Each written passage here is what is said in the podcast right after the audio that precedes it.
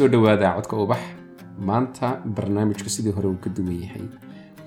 Waxaa ila joogtaa aamina isir oo hawada igala soo xidhiiraysa oo dalka maraykanka ka soo hadlaysa. Aniguna waxaan joogaa sweden. Aamina barnaamijkan muxuu kaga duwan yahay kuwii hore All right, so this program is going to be really different. First of all, I think it's the first English speaking person, so shout out to me.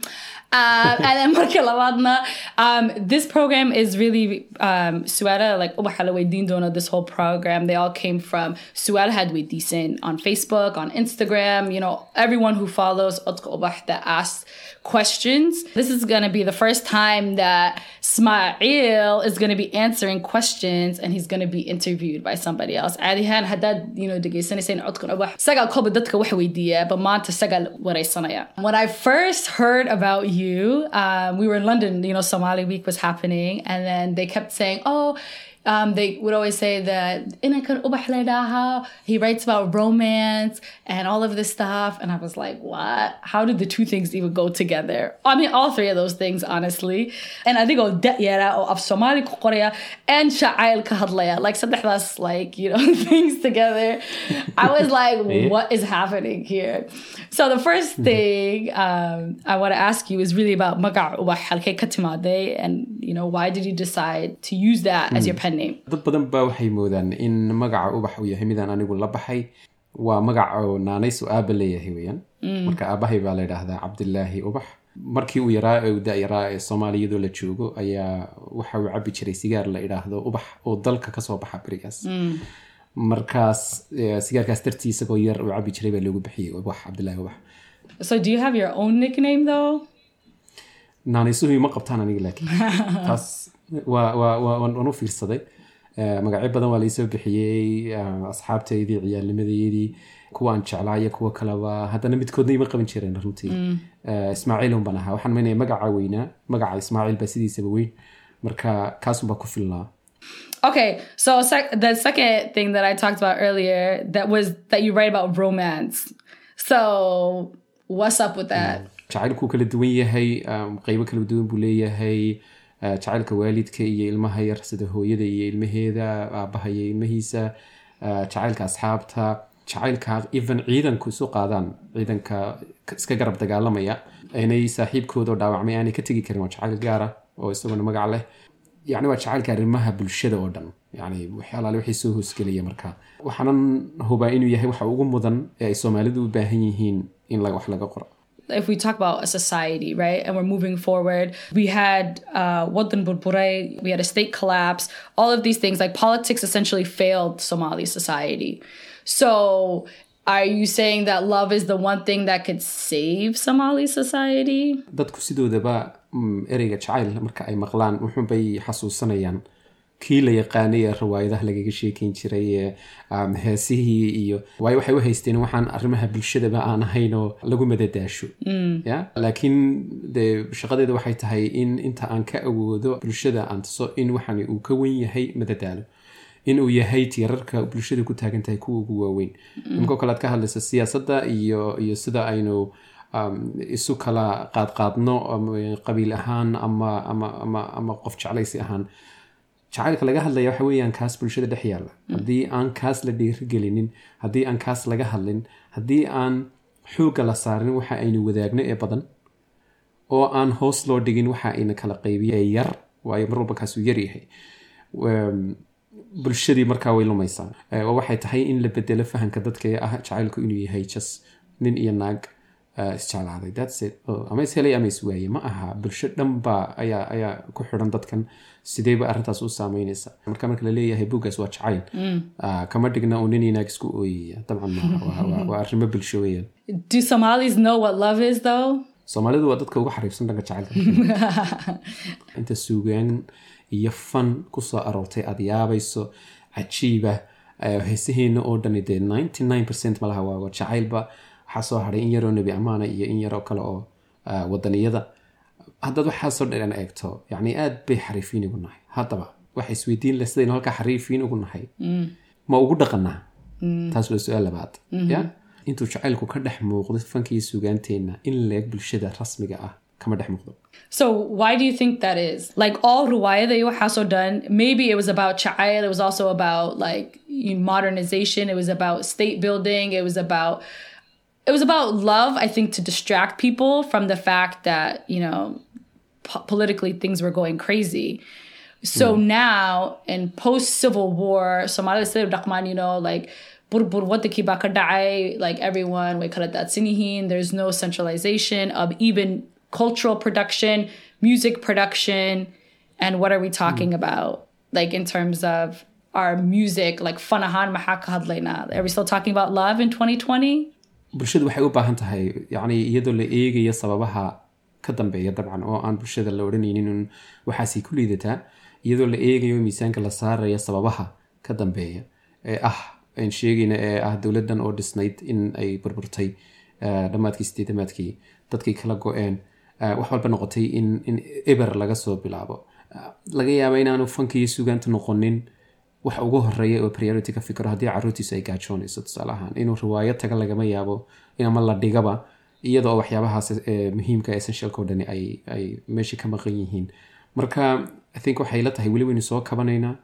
Ma gaadhsiisanin halkii aynu gaari lahayn xaaladda aynu ku jirnayn oo ku jirana xataa lafteeda oo gaabis baan arkaya laakiin de waxaasoo dhan waxaa meesha haddana ka saaraysa maadaama oo aanay jirin institutionadii waaweynaa ee lagu talagalay inay waxaan wax ka bedelaan ama kuwo eh, dowladi leedahay ha noqdaan ama kuwo private ahba kuwa private ahbaba dadaalaya iminka dabcan. Laakiin de waxaa loo baahanyay inay noqdaan wax wada socda. Taasaa lagu horimarin karaa. Laakiin weli waxaynu xiisaynaynaa hebel jeclaysi iyo siyaasaddeenu inay tahay un hebel gee hebel ka qaad oo aanay ahayn horumarka kale ee bulshada Um, so one of the main things that I think is really centralized, because I think the key word in all of that is centralization, right? So it's now there's no centralization of Somali identity, of Somali cultural production, of some, but there's really interesting ways with the internet, with technology, and even you know ways that people are coming together. That there's a lot of cultural production happening in a Somali space. It's still very male dominated, um, especially when it comes to Somali language. But you guys are doing something, so speak a little bit more about that. I mean eh, ta laga hadlaya waxa weeyaan in really la isku dayo qof waliba wixii uu qaban karaya inuu qabto nasiib wanaag nasiib wanaag internetka ina caawiyey internetku inaga siyaabo badan buu inoo caawiyo laga yaabo bulshada kale inaanay inaanay dhankaasiba ka eegin bulsho u baahan inay dib u soo noolaato ayaa mar kaliya iska heshay internetka iyaga oo weli kala qayb qaybsan. Anigu waxaan arkayaa inuu yahay really positive. In la helay wax identity u eeg oo ka dhexeeya muusigii cusub ay soo saarayaan inta dadaalaysa uu noqdo wax dadkao dhan ay wada helayaan qoritaanka buugaagta iyo arrimaha bulshada laga hadlayo in waxyaabahaasoo dhan ay noqdeen waxyaabo internetku uu sahlay inay kulmaan. Qaybaha kala duwan oo dhani uu yeeshay mid waliba dad gaar oo ku xidhan. Ay dadkiisa soo galeen. Marka really internetkaas la'aantii wuxun baynu ahaan lahayn halkii laantiyada bilowgiisii la joogay dadku aanay xataa magaalada magaalada ku xigta aanay ka warhaynin inta badan Yeah. Or what does your social media community look like? And how people respond to you? Like if you get crazy hate mail and your like messages and stuff like that. is what I'm asking. what is the backdrop of like the public image of you on Facebook? facebook waa meel aan laysu nixin waa meel um, dad badan ay joogaan oo runtii aada u wanaagsan oo qalbi wanaagsan. Sidoo kale waa meel dad um, xanaaqoodu uu dhow yahay ay joogaan. Way adag tahay inta eh, qofnimadaada aan eegeynin ee eegeysa ah, shaqadaada ama eegeysa fikirkaaga. Ee fikirka ula doodi kartaa way yartahay dabcan. Taasi waxay keenaysaa marka in shakhsiyadaadii ay kaaga soo noqdaan waxyaabo fara badan oo gef ah oo bulshada xaggooda kaaga imanaya jawaabaha kaaga soo noqonaya mar walba waa kuwa extreme ah intooda badan Recently, you've been talking a lot about women in the Horn of Africa working in the workplace and the issues, you know, the workplace discrimination and sexual harassment that they faced in the workplace. How did Somali Facebook react to that? in qofku uu ka hadlo tacadiyo loo geysto dumarka weliba isagoo nina ya way sii kala adag tahay moogtahay qof dumar ah way ka hadli kartaa way odhan kartaa dhibaatooyinkaasaana haysta oo waa loo ogol yahay inay ka hadasho. Walow aan la ogolayn waxa ay tidhaahdo. Yep. laakiin at least waa loo ogol yahay waxaa la odhanaya waa qof dumar oo way cadhaysan tahay ama ama ama waa emotional oo amaba dee iyada wax ku dhaceen oo magarasa qiil baa loo sameynaya. Waayo bulshadeenu waa bulsho rag raggaa wax qiimeeya. Marka waxay noqotay wax qariib ah oo aan la filaynin in aan in nin ka hadlo. Inta aan ogeyna aan xasuusiya wuxuu ahaa barnaamij aan ugu talagalay in uu noqdo taxane Um, taxanahaasi markaa wuxuu ka koobnaa toddoba sheeko oo kala duwan. Sheekooyinkaas waxay ka hadlayeen markaa tacadiyada dumarka loo geysto ama hablaha loo geysto marka ay joogaan goobaha shaqada iyo waxbarashada labada meelood. Marka dumar badan oo dee runtii aad fara badan baa ila soo xidhiidhay oo mid waliba ay ka sheekaynaysa wixii ku dhacayada hadday noqoto goobii ka shaqaynaysay oo ragga qaar si qaldan ula hadleen qaarkood faraha la soo galeen qaarkood hadallo khaldan ku yidhaahdeen amaba goobaha waxbarashada way dhacdaa marka in laga hadlo oo la yidhaahdo war waxan ayaa bulshada dhexdeeda ka dhaca magaalada ka dhex dhaca magaalada doonta ha ahaatee ee aynu ka hadalno ayaa ah wax lala yaabo yani bulshadeenu ay la yaaban tahay waa taabuu laga hadlin bay ka mid tahay marka iyadoo taasi ay taagan tahay ayaan sheekooyinkii aan soo daayay toddoba sheekay ahaayeen sheekadii saddexaad baa ugu buuq badnayd. Marka runtii wax weyn baa igaga soo noqday hanjabaad xadhig iyo ma aha wax maskaxda saliimkaa geli karaysa in qof soo gudbiyey dhibaatooyin taagan xaggii laga baari lahaa cid baadho oo madax bannaan weliba dee loo diri lahaa. Dadkeenana waxa iskaga khaldan inta badan wixii personal ee shakhsiga ah iyo wixii institutional ah. Qofku wuxuu moodayaa institutionka uu ka shaqeeya ama uu aaminsan yahay ama uu si uun ugu xidhan yahay inuu isagu leeyahay shakhsiyan.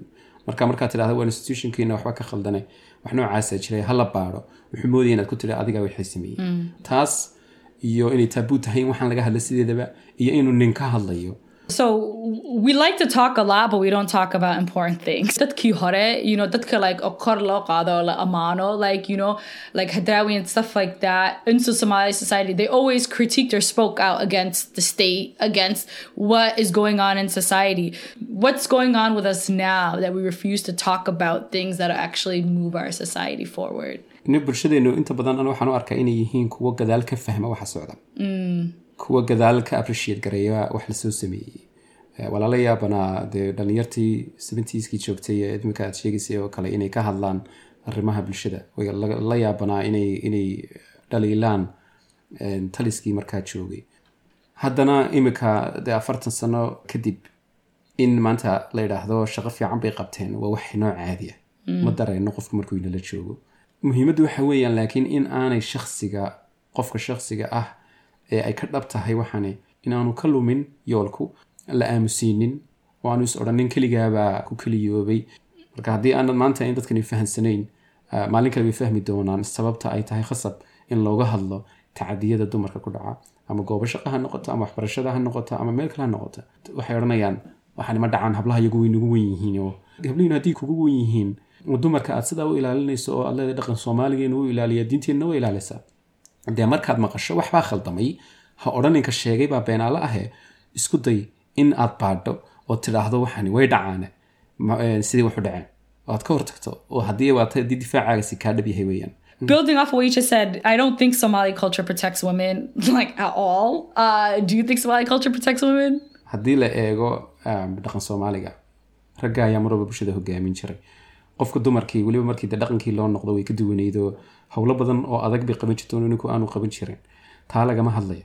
Magaaladii baa la yimid dhaqankii uu isbedelay waa la iska dadka waxbay wada baranayaan waa la shaqaysanayaa in lagu apply gareeyo wixii berigaas socday oo la yidhaahdo dumarka dhaqankeenu sidaasuu ahaaye waa inaad aad sidii ahaataan ma soconayso. Sideedaba raggu way mahmaahi jireen. Suugaan bay wax walba ku samayn jireen. Mahmaahuga waxyaabaha ugu cajiibsan ee bulshadeena haga ragga mahmahi jira waa kuwe waa kuwii berigaan noolaa intan iminka nool iyo inta soo gaadhay toona ma aha. Taas maxay keenaysaa? Raggaas waxay ka mahmaaheen dhaqankii berigaa jiray. Waxay ku saleeyeen mahmaahadooda dabcan si aragooda ama dhaqankii berigaa jiray iyo siday ahayd. Ragga waa imtixaan weliba ragga soomaalidu. Intay soo mahmaaheen mahmaaheen bay waxaan siri mahmahadii ugu dambeysay ee lagu xidhay inta galabna isu yimid ayaa la yidhi ragna waa raggii hore hadalna waa intuu yidhi xataa dumarkii oo keliya maaha raggii dambe oo dhan xataa waxaa laga mamnuucay inay mahmaah ku darsadaan. Dee bulsho noocaasa oo bulsho rageed ah ayay dumarku dee ay joogaan. Dhaqankii hore oo aan imika dee sidiisii hore aan loogu dhaqmi karin ayaa magaaladii lala yimid. Marka waa run way adag tahay in maanta ninka soomaaliga intiis inta badan laga dhaadhiciyo qof dumarabaa kula shaqaysanaysa oo ku ag istaagaysa qof dumarabaa waxaa qabatay qof dumaraba waxaa samaysay. Laakiin haddii aad eegto inta qurbaha joogta rag iyo dumar maanta. Waad ogtahay in dumarkeenu ay hadday ganacsi tahay hadday siyaasad tahay hadday waxbarasho tahay raggii waxay kaga tegeen meel hoose. Intaas soomaali heer gaadhay intooda badani waa dumar majoritiga marka waxaad arki kartaa haddii dumarkeena la siiyo fursado dee sida kuwa qurbaha jooga oo kale ayay dee heer gaari lahaayeen. Imikadan dad baa aaminsan gabadha kolleyba waa la guursan doonaa maxay wax u baran doontaa si guurka uu yahay oo kale meel ay ku xanimbayso ya marka waxyaabo badan baa dee u baahan in dib loo maydho oo dib loo bedelo even now like Somali ahaan haddaan nahay you know gabadh markay wax fiican samaysa markay heer markay gaadho markaasun baa la dhahana waa inanteeni there's so many talaab ay soo maraysa you know hooyada's like maxaad u baxaysaa aabaheed ma you know there's always people that tell her why are you even doing this even kuwa qurba jooga you know like the levels of like xishods astur amus waxaas oo dhan she just has an opportunity to live a life where she could, you know, get past those things and make it on her own. But Gabar Somali wa Gabar Somali Merkas they choked at. So Yeah. it's just that the Kamarka choked or like are like Yoruba, depending even how your family is, how your household is, people have different limitations as to what they can achieve. So even Hablaha, you know, what the Kachoga, there's a lot of Habla that, you know, but it's still waddankaad ku dhex jirtaa so even haddaad adiga dhaqan ahaan as a person so you still have those limitations. So i think the problem is is men focus so much on women but ragnimadooda like you know maxay ku saabsan tahay that's a that's a question i want to ask you. Raganimadooda raggu inta badan ee la khalad fahmay waxaa loo arkaa aniga se ila tahay raggu waxay ragnimadoodii ku saleeyeen hadba inta ay dib u dhigaan dumarka. Waa ragnimada khaldan. Rag oo dhan baa taa aaminsan malihi laakiin markaynu ka- hadlaynaa waxa weeyaan taynu dhaqankii hore kala nimid ee ilaa iminkana lagu dhaqmo.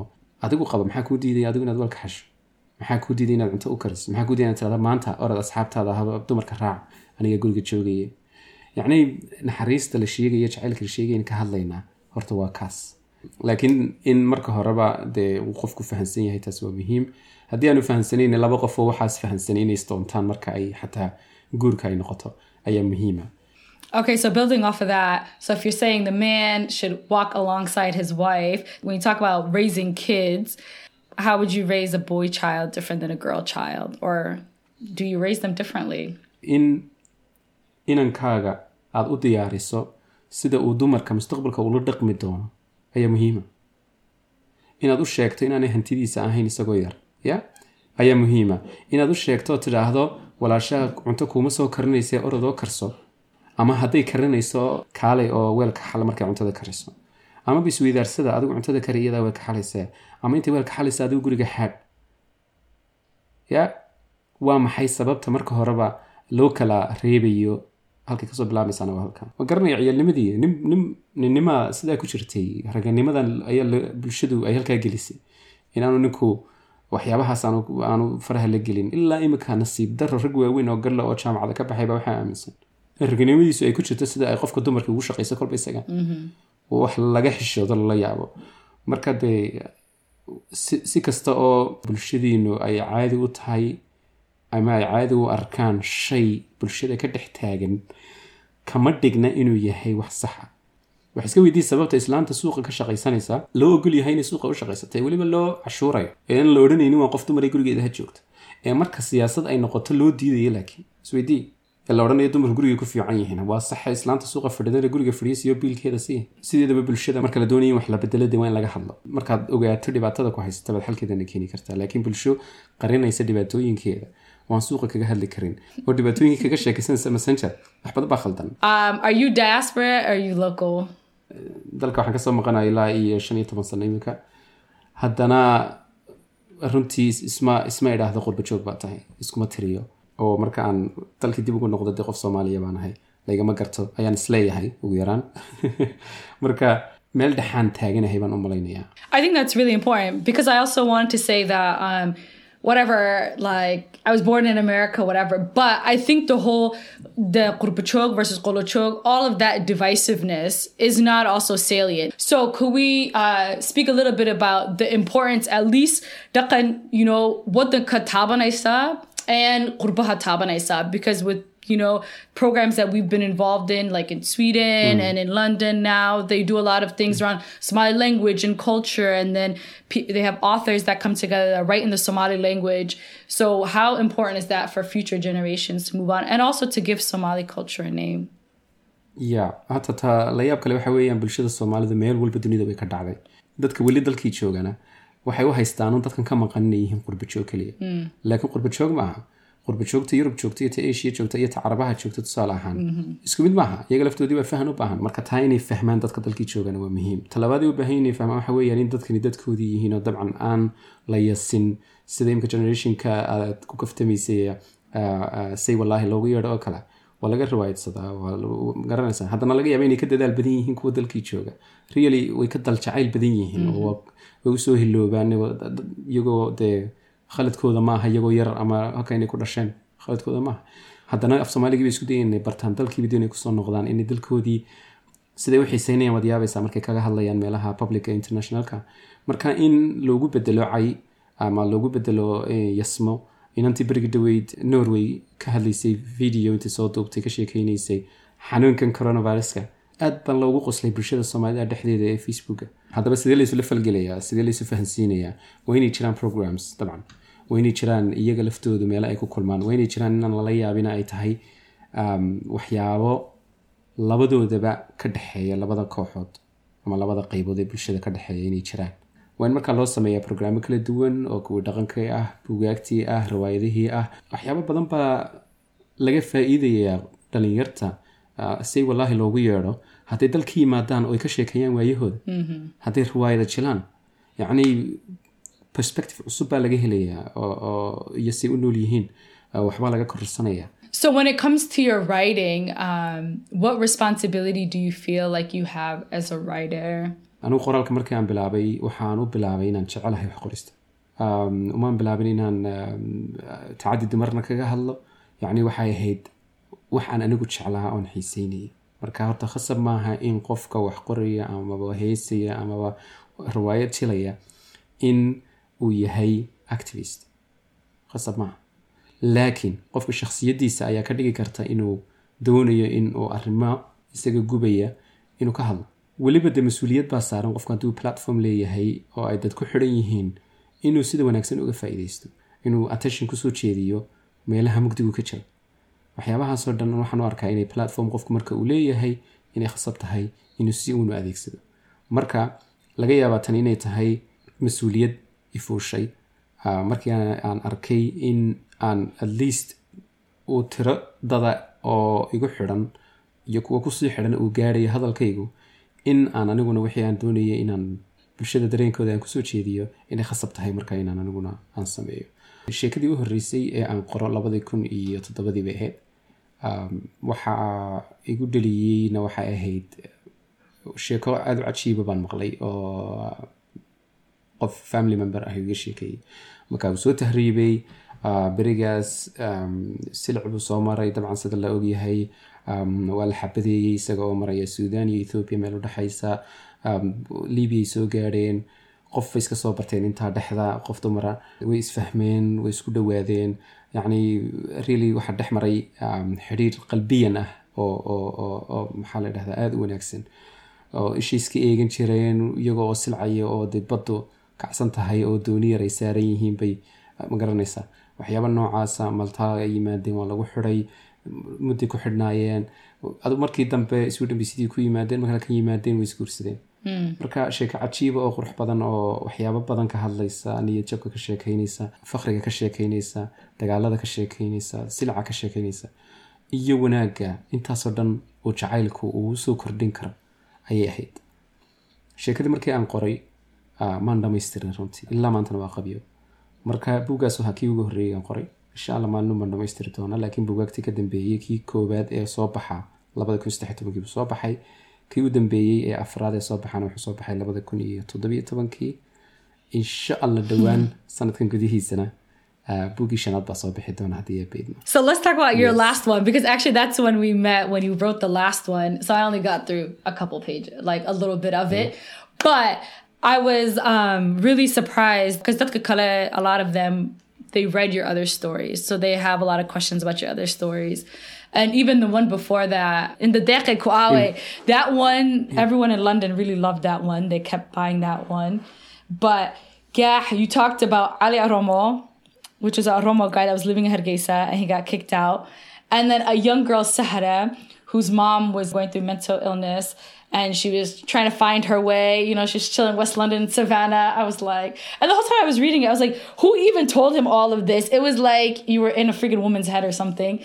and then the last one, Hamoud, and what was the woman's name? marian Maria, they were in Hargeisa. and Alan Kimirka tag in Hargeisa, right? The blue flag, the first time it went up, and then um, British Somaliland got, Yeah. you know, they got their freedom from the British. They well, they came together. They put up the blue flag.